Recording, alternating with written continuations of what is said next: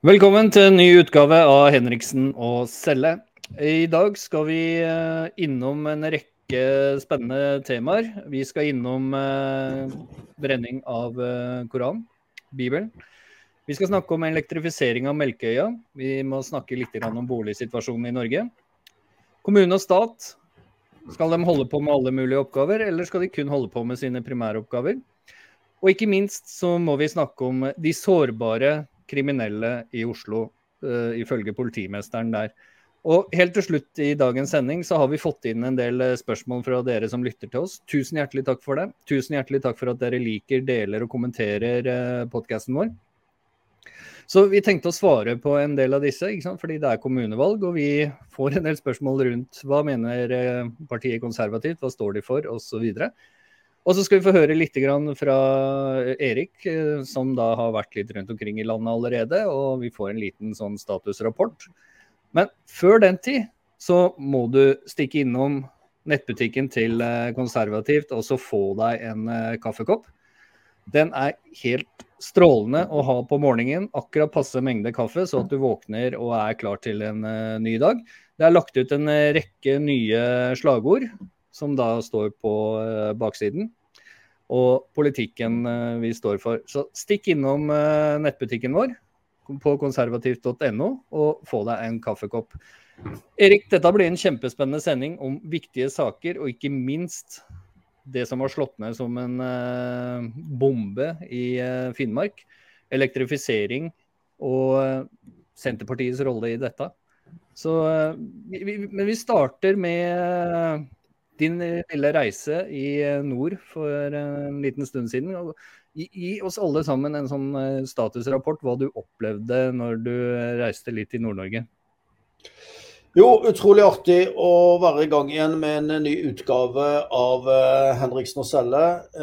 kjempegøy å få så mye tilbakemeldinger på podkastene våre. Det setter vi veldig veldig stor pris på. Og særlig når det begynner nå å komme inn spørsmål, så, eh, så, er det akkurat sånn som vi vil ha det. Og nå er jo forhåndsstemningen eh, åpnet, så jeg oppfordrer alle til å løpe oss forhåndsstemme på konservativt.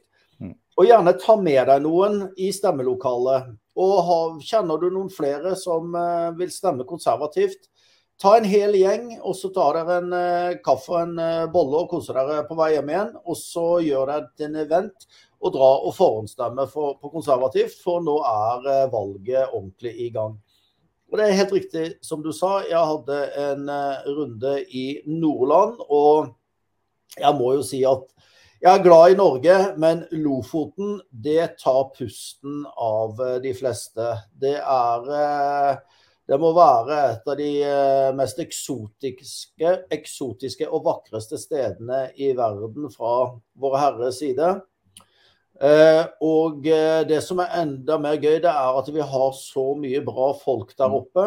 Det er, det er bare en påminnelse når du flyr fra Bodø og videre oppover, og du ser alle fiskeoppdrettene i fjordene, og du hører om alle de private næringsdrivende, selvstendig privat kapital som bygger eh, Distrikts-Norge. Det er jo vårt mål å bevare. Eh, så kjørte vi eh, opp i Vesterålen. Og jeg må si det at det er forstemmende å se disse enorme vindturbinene som eh, Altså, de er enorme der de står og ødelegger norsk natur og miljø. Og kommer du nærmere, så er det denne summingen av disse turbinene. Og plutselig er det ikke så viktig lenger om eh, ørn og hauk og, og due blir kutta i stykker av disse rotorbladene. Men uh, hvis vanlige folk uh, skulle komme til å skyte et, så, så er det fryktelig alvorlig. Og, og, det er Jeg tror det er noe folk ikke forstår. Det er i økende grad doble standarder som kommer ut fra Stortinget.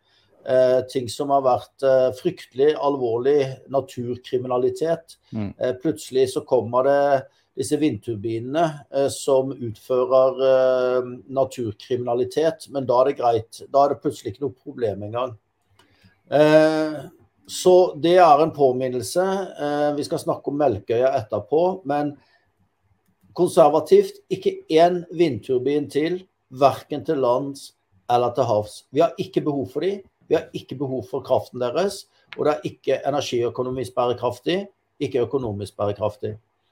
Men det er altså en valgkamp hvor vi møter så mye positivitet mm. for saker vi har stått for i hele vår levetid. Um, og jeg vil si at det vi får veldig mye tilbake altså Det som folk er veldig interessert i, over hele landet faktisk, det er denne radikale kjønnsideologien og rosa kompetansen, som de kaller det. Det er jo ikke kompetanse. Jeg vil kalle det rosa inkompetanse. For det er egentlig bare normativ ideologi, og det er en helt ny ideologi. Og når, for, når mødre og mammaer og pappaer og bestemødre og bestefedre begynner å få dette hjem og høre hva barna deres i barnehager og grunnskole får av dette her, så er det en økende erkjennelse av at oi, hva i all verden er det barna våre lærer? Eh, og når vi sier at det må være altså 20-årsgrense eh, for å kunne utføre kirurgisk inngrep på mm. egen kropp eh, For du, om du utfører eh, pubertetsblokker og foretar kirurgiske inngrep på kroppen din, så endrer du ikke på kromosomene dine. Eh, og når vi sier at vi må beskytte barn og unge for en ideologi som nærmest heier på dem til å gjøre dette her, så får vi enorm positiv respons ifra unge mennesker, faktisk. Um, så uh, dette samtaler som vi har på stand, dette samtaler med journalister. Og til og med journalistene er mer åpne. Jeg har opplevd gjennom disse årene at mange mange journalister de har, eh, de har skylapper. Mm. Eh, og de, de, de, er vel, de er selv ekstremt politisk bevisste. Det ser vi i hvordan de vinkler saker med overskrifter, billedbruk og sånne ting. Vi hadde jo senest en, eh, et leserinnlegg i Dagen som dagen Jeg trodde det var en negativ eh, sak om eh, konservativt. Og så var det faktisk en veldig positiv sak om en leser som bare hadde lyst til at vi skulle være mer synlige. Um, så uh, du kan si vi debatterer ikke bare med andre politiske partier, men partiene diskuterer egentlig og gjennom mediene, som på en måte skal formidle kommunikasjonen til velgerne, men gjør det på en måte som de, vet, er de veldig bevisst at de vinkler det akkurat i den retningen de vil ha det. Og Derfor så er disse podkastene helt utrolig viktige. Eh, sosiale medier er en demokratisk gave. Eh, og eh, ja, da har vi dagen der. Har konservativt et demokratisk problem. Hvis du scroller litt lenger ned, så kommer det en sak til om ja. Hvor blir det? Hvor blir det partiet konservativt, liksom? Og det er som om Oi, dere er jo Hva er det dere Men den som har skrevet det debattinnlegget, det er bare positivt til, eh, til, konservativt. Og det kan jeg love både Dagen og alle andre at vi jobber på spreng med de midlene vi har. Og, mm. eh, og, hvis du vil at vi skal synes enda mer, så har jeg et, noen veldig gode tips. Meld deg inn i konservativt. Betal medlemskontingenten. Og send gjerne en gave nå i valgkampen, så vi kan få ut noen enda flere annonser de siste ukene før valgdagen. Så lover jeg at vi skal bruke hver eneste krone til å bli mer eh, synlig. Eh, en annen ting som eh, de er opptatt no av i nord, som alle andre steder, det er dette med eiendomsskatten. Eh, I Bodø er eh, de fortvilet over eh, den radikalt økte eiendomsskatten, som gjør at folk faktisk flytter ut. Og vi er prinsipielt imot at eiendomsskatt. Og det er fordi at å eie egen bolig, det har vært en det har, det har vært konsensus i norsk politikk siden krigen at flest mulig skal eie egen bolig.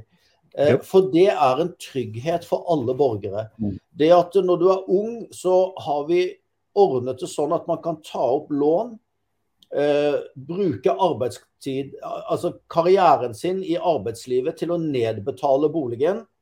og så sitte i nedbetalt egen bolig når du er pensjonist, det er liksom en av bærebjelken en av bærebjelkene i den sosiale tryggheten i Norge.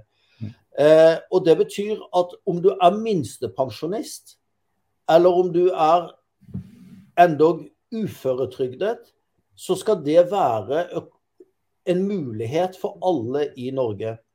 Og da er eiendomsskatten kontraproduktivt. Det er en fiende av den eh, tanken. Og det bekymrer meg med den katastrofale økonomiske politikken som dagens regjering fører, og den katastrofale klimapolitikken som materialiserer seg i energipolitikk, som Høyre og Arbeiderpartiet er enige om. Det gjør at vi nå ser et klasseskille vokse frem i Norge som vi ikke har hatt i vår levetid. Eh, og Derfor så eh, mener vi at eh, det kan være ulike ordninger. Er du ung i dag og blir uføretrygdet, så bør, da bør man faktisk legge til rette for en form for boligstøtte med nedbetaling som gjør at på et tidspunkt så kan du sitte i din egen leilighet og være trygg. Da kan ikke staten eller det offentlige eller kommunen komme og si at av den papirverdien som er på den eiendommen, hvis du selger den, så skal vi ha cash. Ikke sant. Eh, vi vil ikke at folk skal måtte selge en nedbetalt bolig, eller en bolig de akkurat La oss si at du har eh, Det er mange flotte, fantastiske, respektable yrker. Bare det å være i arbeid er respektabelt, mm. uansett hva du tjener. Og da skal det altså være sånn, da skal ikke kommunen kunne gå inn og gjøre det umulig for deg å leve i din egen bolig. Så eiendomsskatten er like fiendtlig for vanlige mennesker som det formuesskatten er for bedriftene. Og dette var det veldig stor konsensus om eh, på min reise oppe i, eh, i, nord. Og det var veldig spennende å møte innvandrere, altså nye landsmenn. Eh, både muslimer og kristne, som de blir begeistret når de hører om konservativs politikk.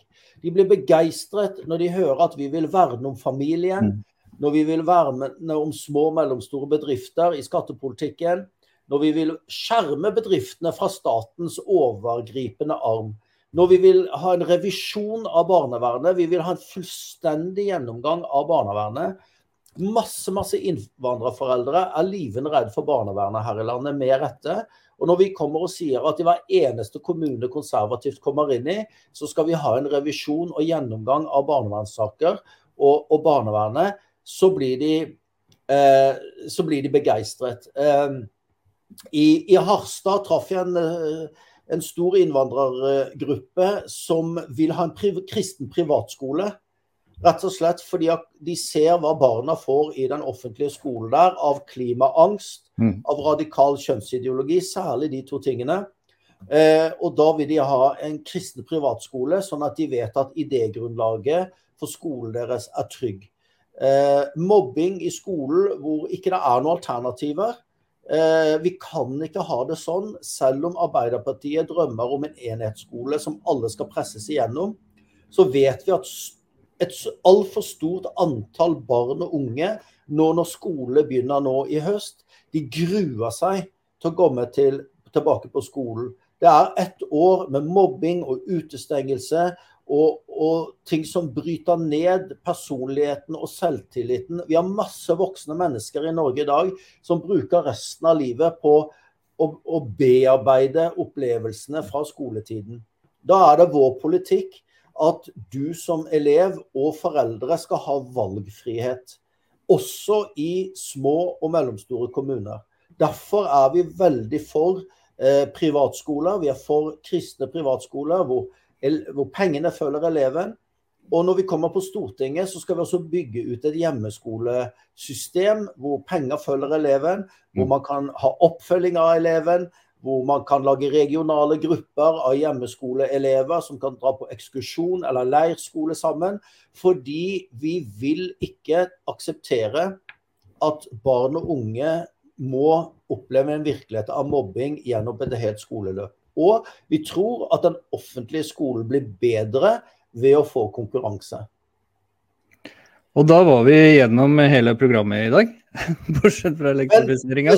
Men uh, ja. Jeg må bare si at Grunnen til at dette kommer opp i meg, det er en, dette er en refleksjon av alle samtalene som jeg har hatt med velgerne i, eh, i, i Nord-Norge. Jeg har vært uh, i Viken, jeg har vært i Østfold, jeg har vært i Halden, jeg har vært i Sarpsborg. jeg har vært, Også i hele Norge så, så, så er disse politiske sakene Det skaper gjenklang hos folk. Eh, og, og, jeg tror det at folk mer enn noen gang før kjenner på at noe er galt. Eh, at Norge på mange fronter føres i feil retning. Og at konsensus blant de etablerte partiene er for stor. Det mm. er egentlig ikke noe stor forskjell i de lange linjene eh, på eh, de store partiene. Høyre har én fordel, det er fordi at de er enige med oss i en del av de klassiske økonomiske prinsippene. Men til forskjell fra Høyre, hvis vi får sitte åtte år i regjering, så er formuesskatten vekke. Til forskjell fra Høyre, hvis vi får åtte år i regjering, så er eh, eh, arbeidsgiveravgiften borte. Eh, så folk kan Vi mener det vi sier. Så enkelt er det. Ikke sant. Ja, men, men, men, jeg har lyst til å gå litt tilbake til eh, Altså blir du syk, ufør, eh, du må gjøre endringer i livet ditt, eh, kanskje omskolere deg. det skjer en masse. Det å ha en egen bolig gir deg en trygghet som gjør at du kommer deg i mål mye raskere. Altså, det å ikke vite hvor du skal bo, eller om du har råd til å bo noe sted, skaper utrygghet som da igjen påvirker deg negativt. I tillegg til det så ser vi det at de fleste som da rammes av langvarig eh, bortfall fra arbeidslivet, når de får lov å ha trygghet rundt seg, så kommer de tilbake i arbeid. Men så har staten gjort det sånn at hvis du tjener så så mye, så skal vi straffe deg. Dette skal vi fjerne. Bort med det. Vi trenger flere folk i arbeid. Vi trenger alle i arbeid. På alle områder. Og det virker ikke som eh, staten syns det er noe særlig ålreit, fordi kanskje de har et regnestykke som sier at de taper, men det regnestykket jeg har foran meg, er vinnerne er de som har den muligheten å komme tilbake og bidra i samfunnet på sin måte. Og Det må jo være et mål, men det er det jo tydeligvis ikke for disse her. Igjen, som du nevnte, sant, det er eiendomsskatten du har eh, Altså, vi, vi, fikk en beregning på verdien på huset vårt av eiendomsskatt som var bare hinsides hva jeg fikk hos megleren. Men jeg må betale eiendomsskatt av hvis det blir innført nå i år. ikke sant? Eh, det henger jo ikke på greip i det hele tatt. Altså Man lager sånn en, en uh, eventyrhistorier om verdier på ting. Og er du så heldig å eie en uh, sekundærbolig, ja, da skal du virkelig tas. ikke sant? Altså, Har du besteforeldre, du finner de har gjort det bra, de har råd til å kjøpe en bolig til sine barn så skal de altså straffes. Og eh, Vi, vi snakka litt om dette før vi gikk på sending, og vi er ganske oppgitt av at det som skal være tryggheten og kjernen, altså gi familien trygge rammer, er det man ønsker å, å, å ødelegge gjennom økte skatter og avgifter. Altså det, det, henger jo ikke på greip noe av dette her. Sånn sett. Nei, altså vi har jo politikere på Stortinget i dag som tror at alle verdens problemer kan løses ved at de lager nye skatter og avgifter. Det, det, synes liksom å, å, å være opplevelsen. Mm. Eh, og det er klart at Når dagens regjering eh, setter formuesverdien av en sekundærbolig til 100 eh, så betyr det at eh, det er færre som kjøper sekundærbolig for eventuelt å leie ut. Kanskje for å ha det som en sparing. Eh, jeg tror terskelen for å kjøpe aksjer f.eks., hvis du har litt til overs når du er 40-50-60 år, er litt mm. større. Eh, men alle skjønner litt på eiendomsmarkedet, fordi du bor i en bolig, og du har antageligvis kanskje kjøpt deg en bolig. Eh, og så tenker du at ja, du kan, du kan øke sparingen din ved å kjøpe en bolig til, leie ut. Kanskje du har barn som skal bo der. Det betyr at du skaper flere leieboliger på markedet. Og igjen, eh, jeg pleier å sammenligne Jeg sier at dagens skattenivå under den rød-grønne regjeringen har blitt et illegitimt skattenivå. Eh, de fleste nordmenn har sett Robin Hood. Og vi elsker Robin Hood som bor ute i Sherwoodskogen. Og det er nesten ingen som heier på sheriffen av Nottingham når vi ser eh, Robin Hood. Men hva er egentlig hva er grunnen til at det er opprør i Nottingham? Jo, det er skattetrykket fra myndighetene. Det er skattetrykket som driver folk fra gård og grunn. Det er skattetrykket som er så urimelig høyt at det ødelegger folks eh, evne til å håndtere eget liv og økonomi. Eh, og nå ser vi at eh, kapitaleierne og investorene våre flytter til Sveits. Eh, vi ser at eh, investeringene fra utlendingene da trekker seg tilbake. Og det er klart at Hvis det blir mindre private investeringer i Norge pga. grunnrentebeskatning, pga. formuesskatt, eh, pga. høyere arbeidsgiveravgift Ja, og utlendingene, som da gjerne er i nettverk med norske investorer, Utenlandske investorer kjenner gjerne norske investorer. Mm. Og hvis deres egne venner i Norge ikke lenger investerer i landet, så er terskelen i hvert fall høyere for at utenlandske investorer gjør det. Da kan vi komme i en situasjon ned i gata hvor vi bare sitter igjen med staten som investor. Ja. Og det er jo katastrofalt, og det er jo det vi har advart mot. Og Derfor så er dette valget og det neste valget i 25 er kritisk viktig for de neste 50 årene for norsk økonomi. Og da, da, er vi jo inne på et uh, tema vi tenkte å ta opp, og, og det er jo kommune og stat sine primære, primæroppgaver. Sånn jeg har sett det de siste ti årene, så øker omfanget av politikernes ønske om å styre og kontrollere. Uh, flere og flere områder. Uh, det blir mer og mer mikrostyrt. Skal du Samme hva du skal gjøre, så er det haugevis av papirer og godkjenninger, og, og, det må vedtas, og det er ikke måte på. Uh, det samme er sånn Jeg leste her om dagen Det er en som har en bolig, og så har han to ekstra Han har bygd seg to ekstra boliger, og så viser det seg at den ene, etter noen kommuneendringer, da, så kom ene halve boligen inn i en ny kommune.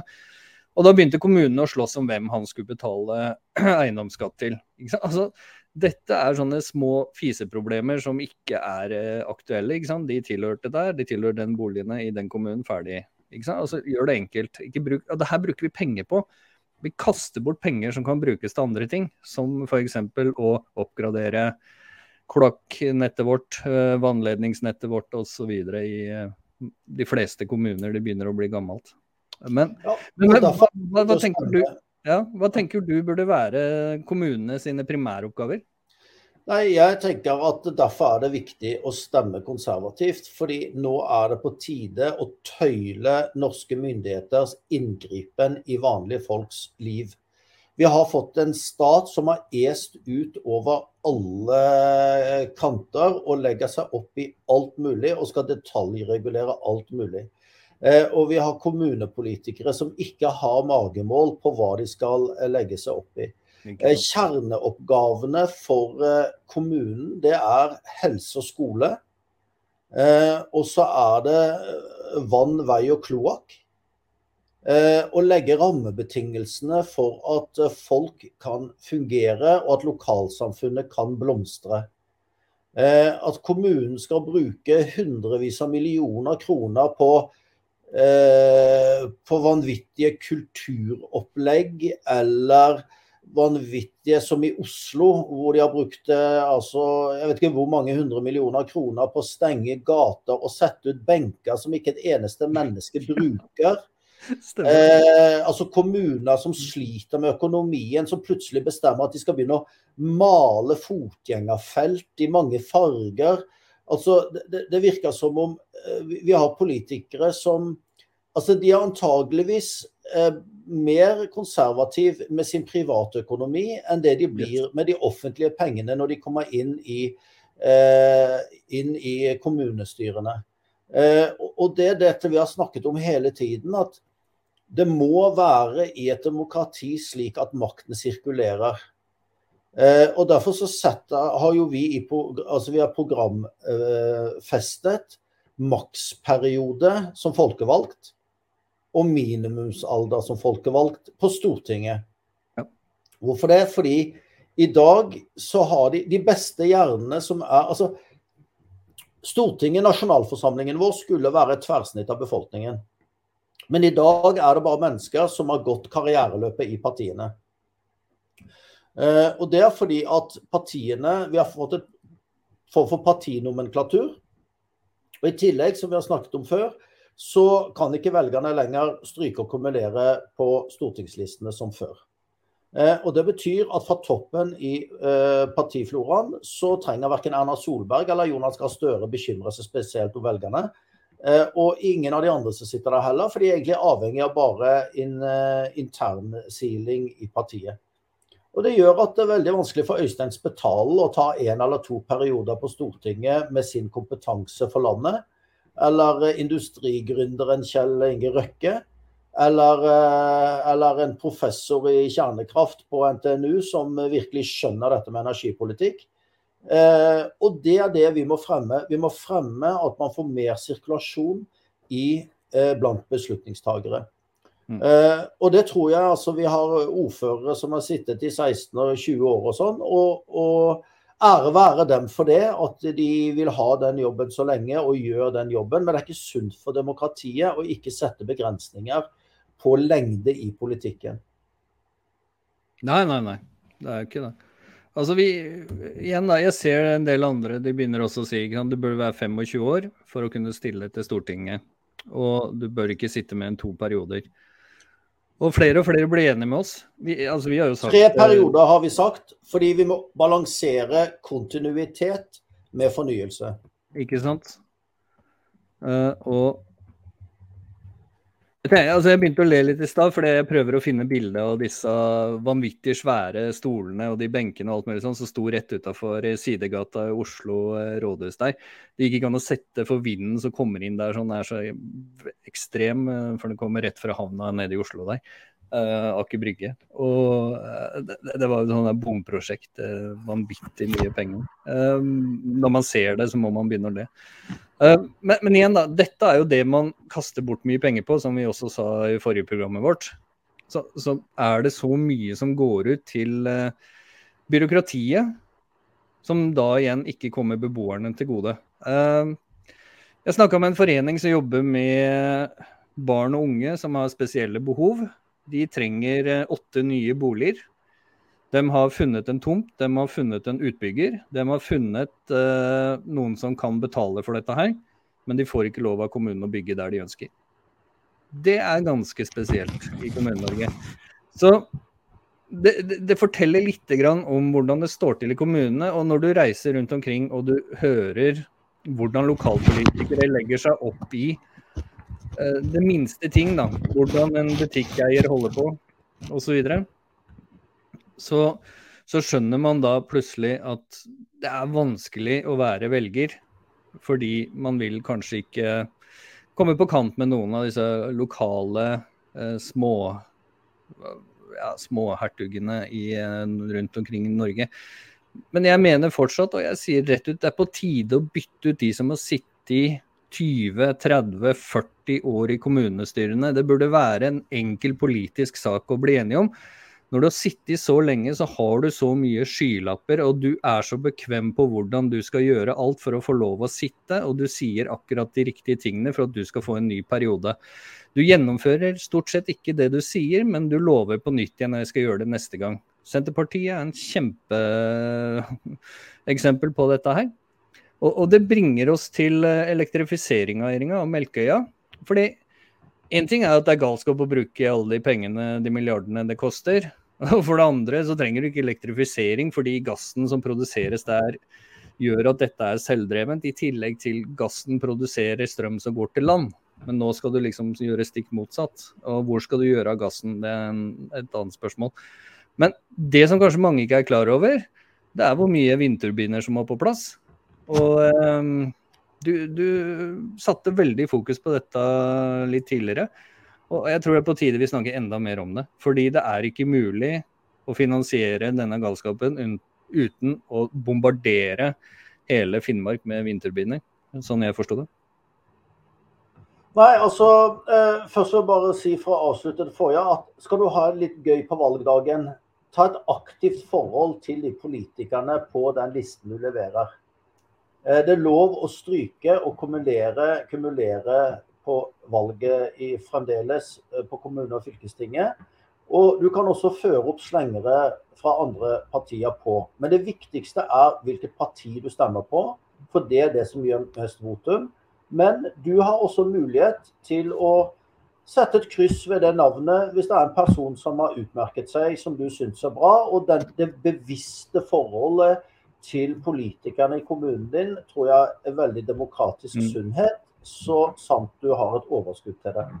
Eh, og du spurte meg i sted hva, hva, er det, hva, hva, er symptomer på at vi lever i et land hvor det offentlige og Når vi snakker om staten, når vi snakker om det offentlige og når vi snakker om kommunen, så snakker vi egentlig om politikerne som besitter maktposisjonene i disse instansene.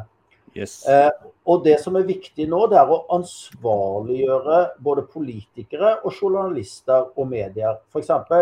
Det er ikke slik at det er VG som skriver en sak. Det er journalisten i mhm. VG som har fått det godkjent av eh, redaktøren i VG. Og Det betyr at man må begynne å ansvarliggjøre den enkelte journalist, den enkelte redaktør og den enkelte politiker, også inkludert.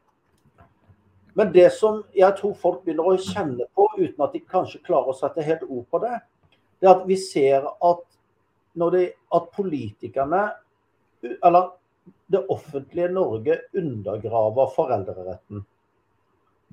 Eh, det ser vi i Pride-saken, hvor byråden i Oslo ville kommandere skole, grunnskolen ut og gå i Pride-tog uten å informere foreldrene. Men tenk deg hvilket baluba det hadde vært hvis byråden skrev at i år skal alle gå på skolegudstjeneste uten at foreldrene informeres. Ikke sant. Eh, alle som har hatt barn i den norske skole, vet hvilket eh, brev du får, og hvor viktig lærerne har hatt det på at ok, du må nærmest aktivt si at du skal på skolen på julemuseet. Mm. Det er et helt apparat rundt det. Nettopp fordi man har hatt respekt for foreldreretten. Plutselig så kommer det en ideologi som undergraver foreldreretten. Og i Kommune-Norge så opplever man en undergraving av den private eiendomsretten.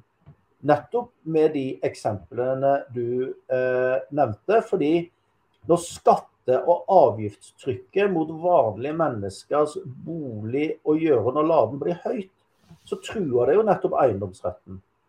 Eh, og det er viktig at man får reinstallert politikere som kan skyve det offentliges inngripen eh, tilbake og frigjøre kapital, frigjøre initiativ frigjøre innovasjon, frigjøre entreprenørskap, og la folk få sitte igjen med de verdiene de skaper. Og så skal det være en fornuftig skattenivå til det offentlige, som skal finansiere de rammene som gjør at vi kan fortsette å skape mer innovasjon, mer entreprenørskap, mer verdier. Og så kommer ja. vi da ja. Jeg, jeg, jeg, hadde bare lyst, Når du først er inne på det, inflasjonstallene. altså Utenlandske investorer eh, i kroner, eh, altså de som spekulerer i valuta, straffer Norge nå fordi renta vår er veldig høy. Det har bremsa, gjort at vi bruker litt mindre penger å shoppe for osv. Og, så og da straffes vi med at uh, de senker kursen vår, kronekursen, og gjør den mindre verdt. Uh, for at det skal presses til å komme enda en dobbel rentehevning.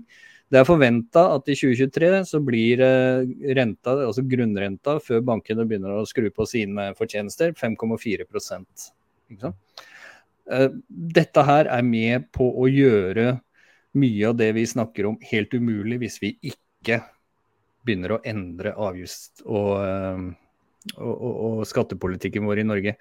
Det kommer til å bli en klasse som ikke har råd til å delta i det generelle samfunnet. Det må vi unngå. Jeg, ville bare skyte det inn nå, fordi det kom akkurat nå. Og jeg ble tipsa om at nå, nå, prøver man å presse inflasjonen.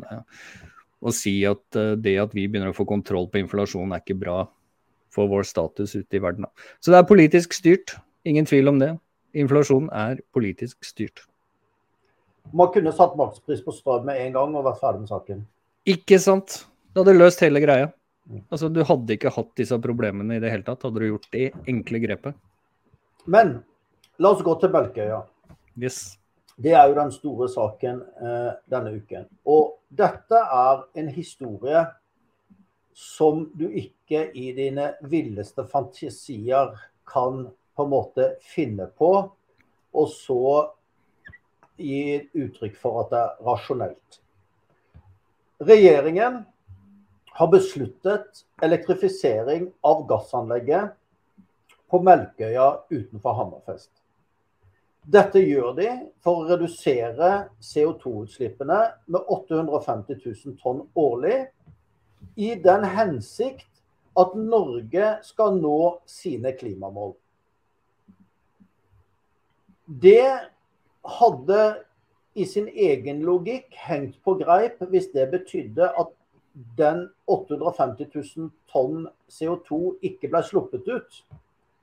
Men de 850 000 tonnene blir bare sluppet ut et annet sted i Europa. Yes. Fordi den gassen skal selges til Europa. Yep. Eh, og det er at Norge skal nå sine klimamål at man gjør en idiotisk Unnskyld meg, med all respekt, det er galskap. Det er energipolitisk galskap.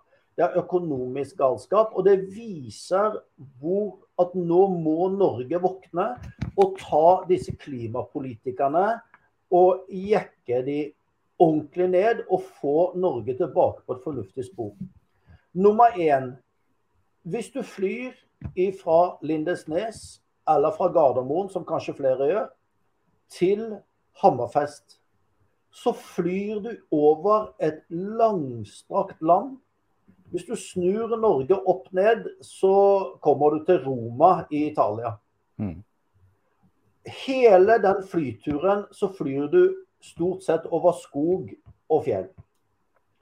Norsk skog er ikke tatt inn i klimaregnskapet som eh, inngår i disse klimamålene. For da hadde vi jo nådd målene våre, hvis vi hadde gjort det.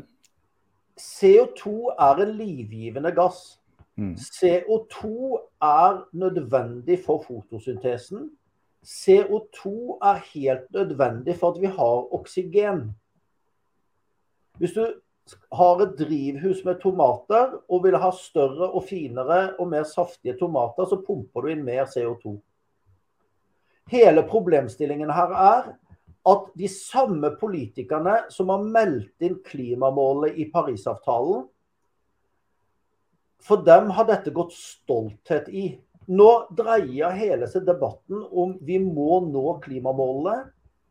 Og det er en ambisjon som de samme politikerne som går til det skritt å elektrifisere Melkøya, de må oppnå sine egne mål for ikke å miste ansikt. Det er ikke slik at alle land i verden har meldt inn til Paris en ambisjon på klimamål som kjører den nasjonale økonomien i senk. For Kina så er deres mål i Parisavtalen å nå en toppkurve av utslipp av CO2 i 2030. Så det vi først må begynne å diskutere, hvem i all verden har sendt disse målsetningene til Paris fra Norge, og med hvilket grunnlag, og hvorfor i all verden vi har kritisert Parisavtalen fra dag én. Det er en livsfarlig avtale for norsk økonomi, styrt av klimafanatiske politikere som er villige til å kjøre norsk økonomi i grøfta og rasere hele Finnmark med vindturbiner. Eh, Econor, de, eh, så bare for å slå det fast, det er ingen klima, der er ingen klima Om du så tror på klimafilosofien til FNs klimapanel og det norske politiske miljøet, så er det ingen klimagevinst ved For vi snakker jo om en global verden. Vi har én klode. Det er ikke et klimaregnskap for Finnmark eller for Norge. Så det er overhodet ingen klimagevinst ved å elektrifisere Melkøya globalt. Mm. Det vil koste 13 milliarder kroner. Og regjeringen har selv sagt at eh, dette, alle vet at dette vil dra enorme kraftressurser til elektrifiseringen av Melkøya, som vil gå på bekostning av eh, befolkningen i nord. Og Det betyr at prisen vil gå rett i taket i nord, selvfølgelig når etterspørselen går opp. Eh, de som driver kraftselskapene og tjener penger på kraft, de er ikke, det er ikke Kirkens Nødhjelp og Røde Kors. De profittmaksimerer etter næringsøkonomiske prinsipper. Og Det betyr at det må en massiv økning i kraftproduksjonen til. Og det betyr i regjeringens egne ord vind. Og så sier de sol. Veldig vanlig at man snakker om sol i Finnmark hvor det er mørkt eh, halve året. Ja, og litt til. Ja. Og det betyr at, eh, at eh, fordelen da, det er at Lebesby kommune kan bare si nei til Laksefjorden vindkraftverk og Davi vindkraftverk. Og dermed stenge forutsetningen for regjeringen. Og det, det er min oppfordring til Lebesby kommunes politikere. Si nei til vindkraft i eh, Lebesby, akkurat som konservativ sier nei til vindturbiner til havs og til lands. Det er ikke løsningen. Og denne klimaideologien som nå styrer Høyre med deres haleheng, og Arbeiderpartiet med deres haleheng, det ser vi allerede konsekvensene av i norsk mm. økonomi. Og jeg har lyst til, Vi snakket om det før, Tom. og eh, Jeg må bare eh, sitere Jeg leser Klassekampen hver dag. Eh, jeg kaller den avisen med alle de gode sakene og alle de dårlige konklusjonene. Eh, den er ekstrem anti mange ting, men det er noe ved både Rødt og Klassekampen som jeg har lyst, lyst til å gi dem honnør for. Det at de er opptatt av rettferdighet. Men de har en ideologi som ikke gir noen løsning på den urettferdigheten. Det tror jeg konservativt har. Eh, og I Klassekampen så skriver stortingsrepresentanten fra Pasientfokus, eh, Irene Ojala, hun skriver om voteringen på Stortinget den 18. april, da dette ble lagt til grunn for. Og det er slik at Hvis beløpet i en sak kommer opp i 15 milliarder kroner, så må regjeringen gå til Stortinget. Equinor har satt 13 milliarder, og det er, er det en politisk satt grense. Vi vet at stort sett alle offentlige prosjekter sprekker. Og Det betyr at 13 milliarder er så nære grensen på 15 milliarder at dette burde vært i et bredt storting. Men Frp, som nå roper opp om eh, Melkøya, de stanset et forslag om at denne saken skulle til Stortinget, slik at regjeringen kunne bestemme dette alene. Eh, Høyre, som Finansavisen skriver hver uke sitter stille i båten, de stemte for. Det er veldig rart at det største opposisjonspartiet på Stortinget skulle votere slik at regjeringen måtte ta, ta smellen for Melkøya alene. Eh, så når Frp nå roper om at dette med Melkøya er eh, skandale, så har de faktisk selv votert fra seg muligheten til å stanse det i Stortinget. Og det har Høyre også gjort. Mm. Og for meg, så Jeg har tillit til stortingsrepresentanten fra Pasientfokus, så jeg tror at den redegjørelsen er korrekt. Og det betyr at det viser hvorfor konservativt nå trengs i kommunestyrene i Finnmark og Troms og Nordland og i alle fylkesting i Norge og i alle kommuner i Norge. Fordi de borgerlige partiene er nå i en enorm skvis mellom de borgerlige, konservative verdiene du kan si som forener borgerlig side.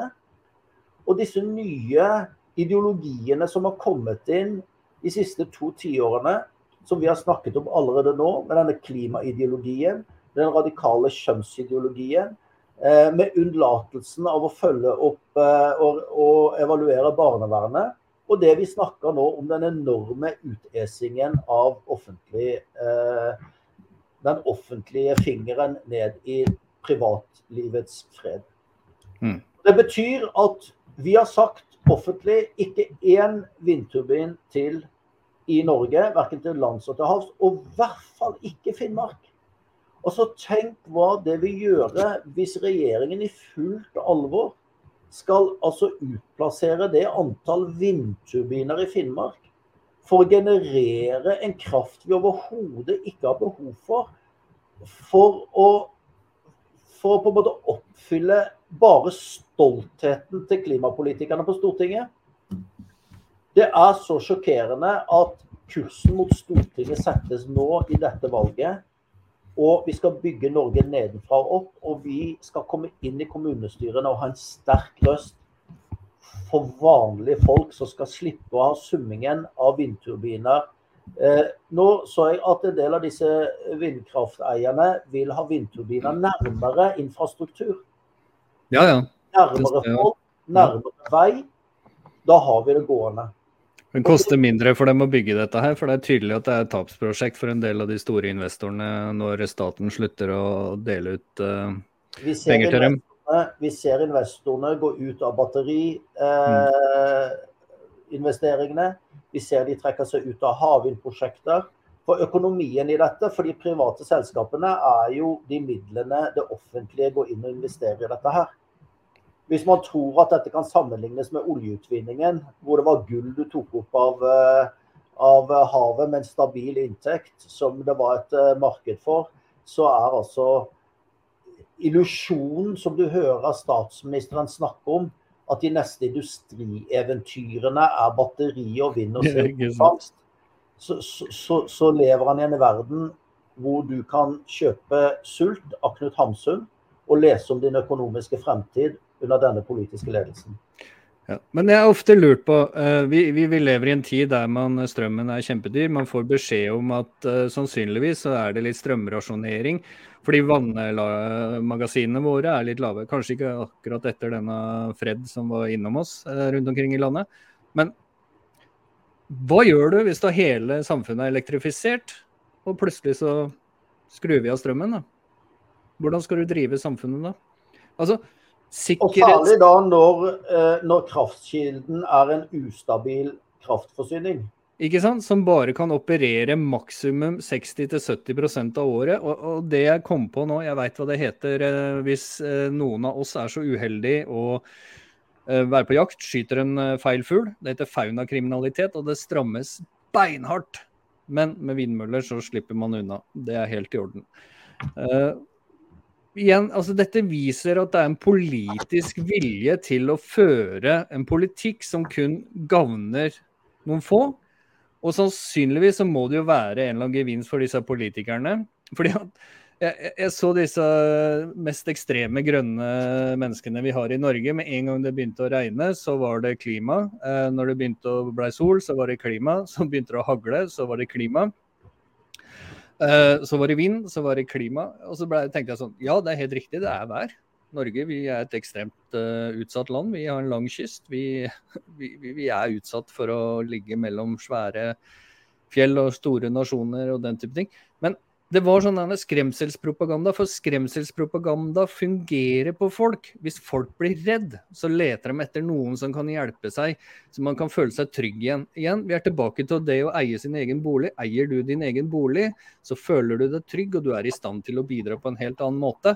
Det samme prøver man eh, å slå politisk mynt på eh, hver. Alt mulig rart. altså Det spiller ingen rolle. Man bare finner på eh, noe, så sier man ja, men nå går alt skikkelig gærent, og hvis du ikke stemmer på meg, så klarer vi ikke å redde dette. Det er bare tull.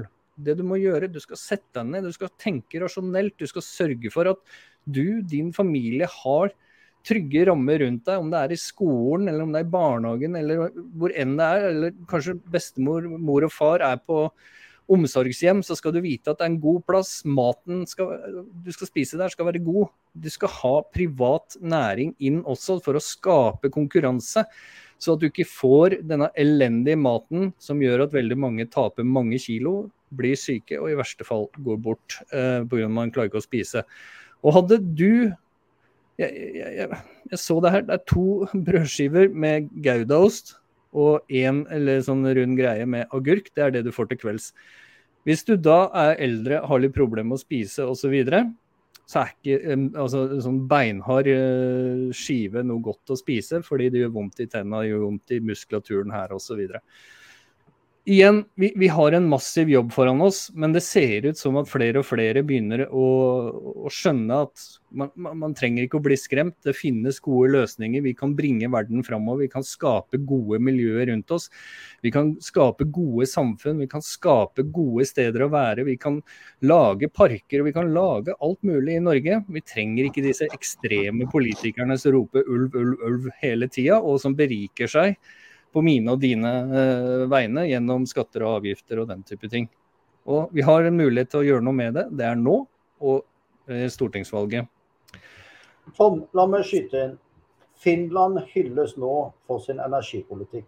Ikke sant. Ja, det ble presentert, jeg har sagt dette før, jeg sier det igjen, de pratet om noen vindturbiner som finnene snurret ut, og noe sol. Men finnene selv sier at bærebjelken i energimiksen til Finland er kjernekraft. Ikke sant. Norge er rik på fosser, fjord og fjell. Vi kan fjerne grunnrenteskatten på vannkraften. Så kan vi kjøre 100% på vannkraft når vi trenger det. Vi har grønn energi. Norge ble en grønn nasjon for 100 år siden. Lenge før det var populært. Da vi fjernet eh, kull og gikk over til vannkraft. Billig norsk vannkraft som produseres billig, er hjørnesteinen i de norske industrieventyrene i etterkrigstiden. Dagens politikere raserer ikke bare De er ikke bare uenig i det vi sier, men dagens politikere i Høyre og Arbeiderpartiet med deres etablerte politiske haleheng raserer hele etterkrigstidens politiske tilnærming til industribygging i Norge gjennom denne meningsløsheten. Ikke sant. Vi kan gjøre som Finland. Vi, ha, vi har vannkraften som vi fjerner grunnrenteskatten på. Vi skal også fjerne grunnrenteskatten på eh, fisk og ønske investorer og kapitalere hjertelig velkommen tilbake til Norge. Vi skal fjerne arbeidsgiveravgiften, sånn at eh, folk som skaper verdier, kan heller få en eh, premie og takk fra staten enn en eh, masse ekstra avgifter. Vi skal ha en fornuftig beskatning av selskapsskatt og andre ting som gjør at det er en fornuftig inngang til, til, til stat og kommune. Men i bunnen av energimiksen vår kan vi gjøre som Finland med nye og trygge kjernekraftverk. Eh, som kan være mindre moduler spredd rundt i landet. Eh, og vi har hatt Jonas Christian Nøland fra NTNU på denne podkasten før. Vi har hatt Erling Tromsvik fra Møre og Romsdal på denne podkasten før, som har gått inn i detaljer på det faglige på disse tingene. De skal vi invitere tilbake igjen. Men for deg som nå kjenner at du er urolig for den politikken som føres, gå tilbake på podkastene våre hvor Jonas Christian Nøland er med, og hvor Erlend Krumsvik er med. Og hør de, for der bruker vi mer tid på disse tingene i detalj.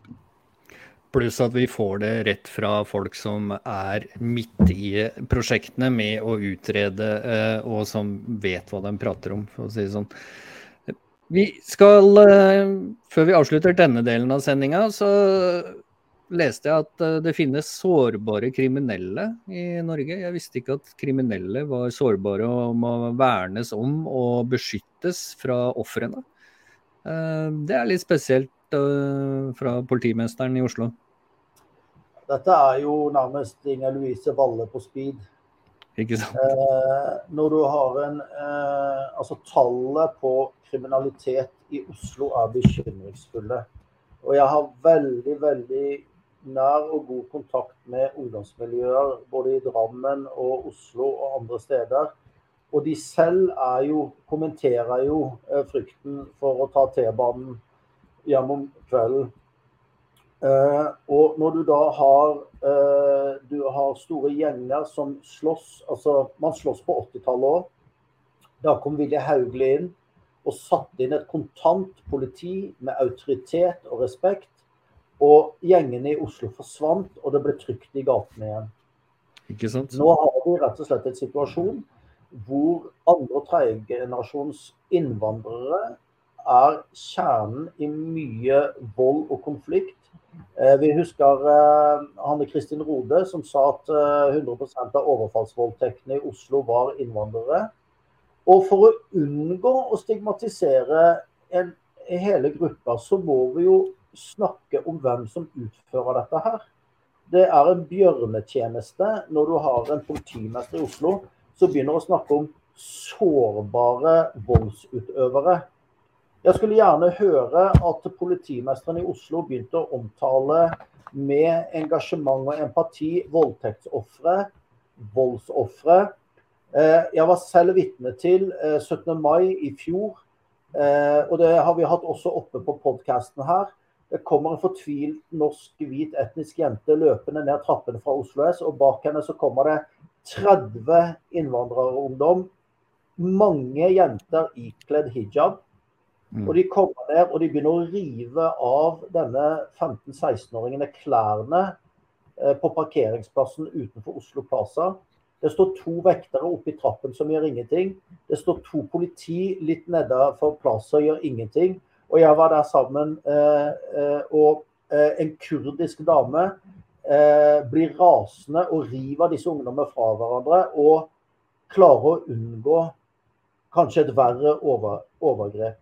Men for denne 15-16-åringen som satt der i bare bh og, og, og buksa langt ned på knærne, så var du kan tenke deg hvordan skal vi komme tilbake på skolen eh, i denne sammenhengen. Eh, vi hadde dette oppe på podkasten. Og, eh, eh og vi skulle ta det opp med politiet. Politiet tvitret at de hadde vært der, og at det var liksom ikke noe spesielt å rapportere. Et sånt politi kan vi ikke ha, Tom. Nei, vi kan ikke det. Ikke i hele tatt. Vi kan ikke ha en politiledelse som er opptatt av følelsene til voldsutøvere og voldtektsmenn. Eh, og vi kan ikke, som i Sverige, ha en politisjef som sier at de vil ikke oppgi etnisitet på volds- og voldtektsutøvere for at et spesielt parti ikke skal vinne i valg. Eh, politiet har ikke et oppdrag i å vurdere politiske konsekvenser av å oppgi statistikk. Deres oppdrag er å være ærlig på kriminalitetsbildet, sånn at politikerne kan ha rett situasjonsforståelse, slik at man kan ta rette valg for å sikre både Oslo og Skien og Drammen og Sarpsborg og alle andre byer til å være en trygge byer både for den etnisk norske befolkningen og for innvandrerbefolkningen. Ja. Og Der er altså meldes om områder i Oslo hvor man, folk, vanlige folk ikke tør omtrent gå på butikken. Det meldes om gjenger som kaster steiner på, biler. Og det er et alvor i dette. Vi så Norway Cup nå, hvor det rapporteres virkelig at, eh, at, det var utrygt. Vi har fotballkamper mellom ungdommer som ender i, eh, i, i varig skadelse av unge spillere fordi at det ble slåssing. Og det er en brutal type vold. Mm. Eh, de måtte jo stoppe denne kampen og, og redde fotballaget ut uh, fra de, og de måtte tape kampen med vilje for at det ikke skulle bli opptøyer i uh, Sverige. Riktig. Og mm. i Sverige, i Bekkelaget, spilte mot et uh, innvandrerlag lenger oppe i Groruddalen. Og folk ble kjørt på, på legevakten og ble mm. skada etterpå. Eh, og, og, Sånn kan vi ikke tolerere. Vi kan ikke tolerere det. Det må, eh, det må eh, et helt annet regime til, og helt andre straffereaksjoner til. Eh, og Dette har vi snakket om mange ganger før, men vi kan altså ikke ha en politimester som eh, har mer sympati med de som utfører vold, enn de som er ofre for vold, og signaliserer det til offentligheten. Hvor er da tilliten til politiet? Og vi er et lov- og orden-parti. Vi er et parti og eh, politibetjente vanlige politifolk i Norge er så mye bra politi i Norge. Men da må vi ha en ledelse. Og de er fortvilte sjøl. I Sverige ser vi eh, de beste folkene slutter i politiyrket. Eh, fordi at eh, dette klarer de å håndtere. Og vi har en enorm jobb og opprydning å gjøre i justissektoren og politisektoren. Og, og det begynner simpelthen ved at du får kommunepolitikere i eh, 11.9 som faktisk tar opp hva er den reelle situasjonen i eh, vår kommune. Hvor trykker skoen? Hvem utfører vold? I gamle dager så leste vi om østeuropeiske gjenger og polske varebiler og sånn. Eh, så man var ikke redd for å sette ord på det før. Nei, nei, nei. Eh, og denne misforståtte snillismen eh, mot fremmede kulturer som har kommet til landet, den må stanse for at vi skal få en god fremtid Både for de som har bodd her lenge, og de som har kommet i nyere tid. Og med det så skal vi avslutte denne delen av eh, sendinga Henriksen og Selle. Og så skal vi gå over til eh, å svare på spørsmål. Eh, mest sannsynlig så deler vi denne sendinga opp i to. Så takk for at du fulgte oss uh, denne gangen. Lik, del, kommenter. Gjerne send spørsmål til oss, så skal vi svare på dem også etter hvert uh, som vi eh, kommer til dem. Og vi setter utrolig pris på dere lyttere, fordi det er dere som er med på å utgjøre en forskjell i Norge. Og det skal vi også gjøre etter valget. Så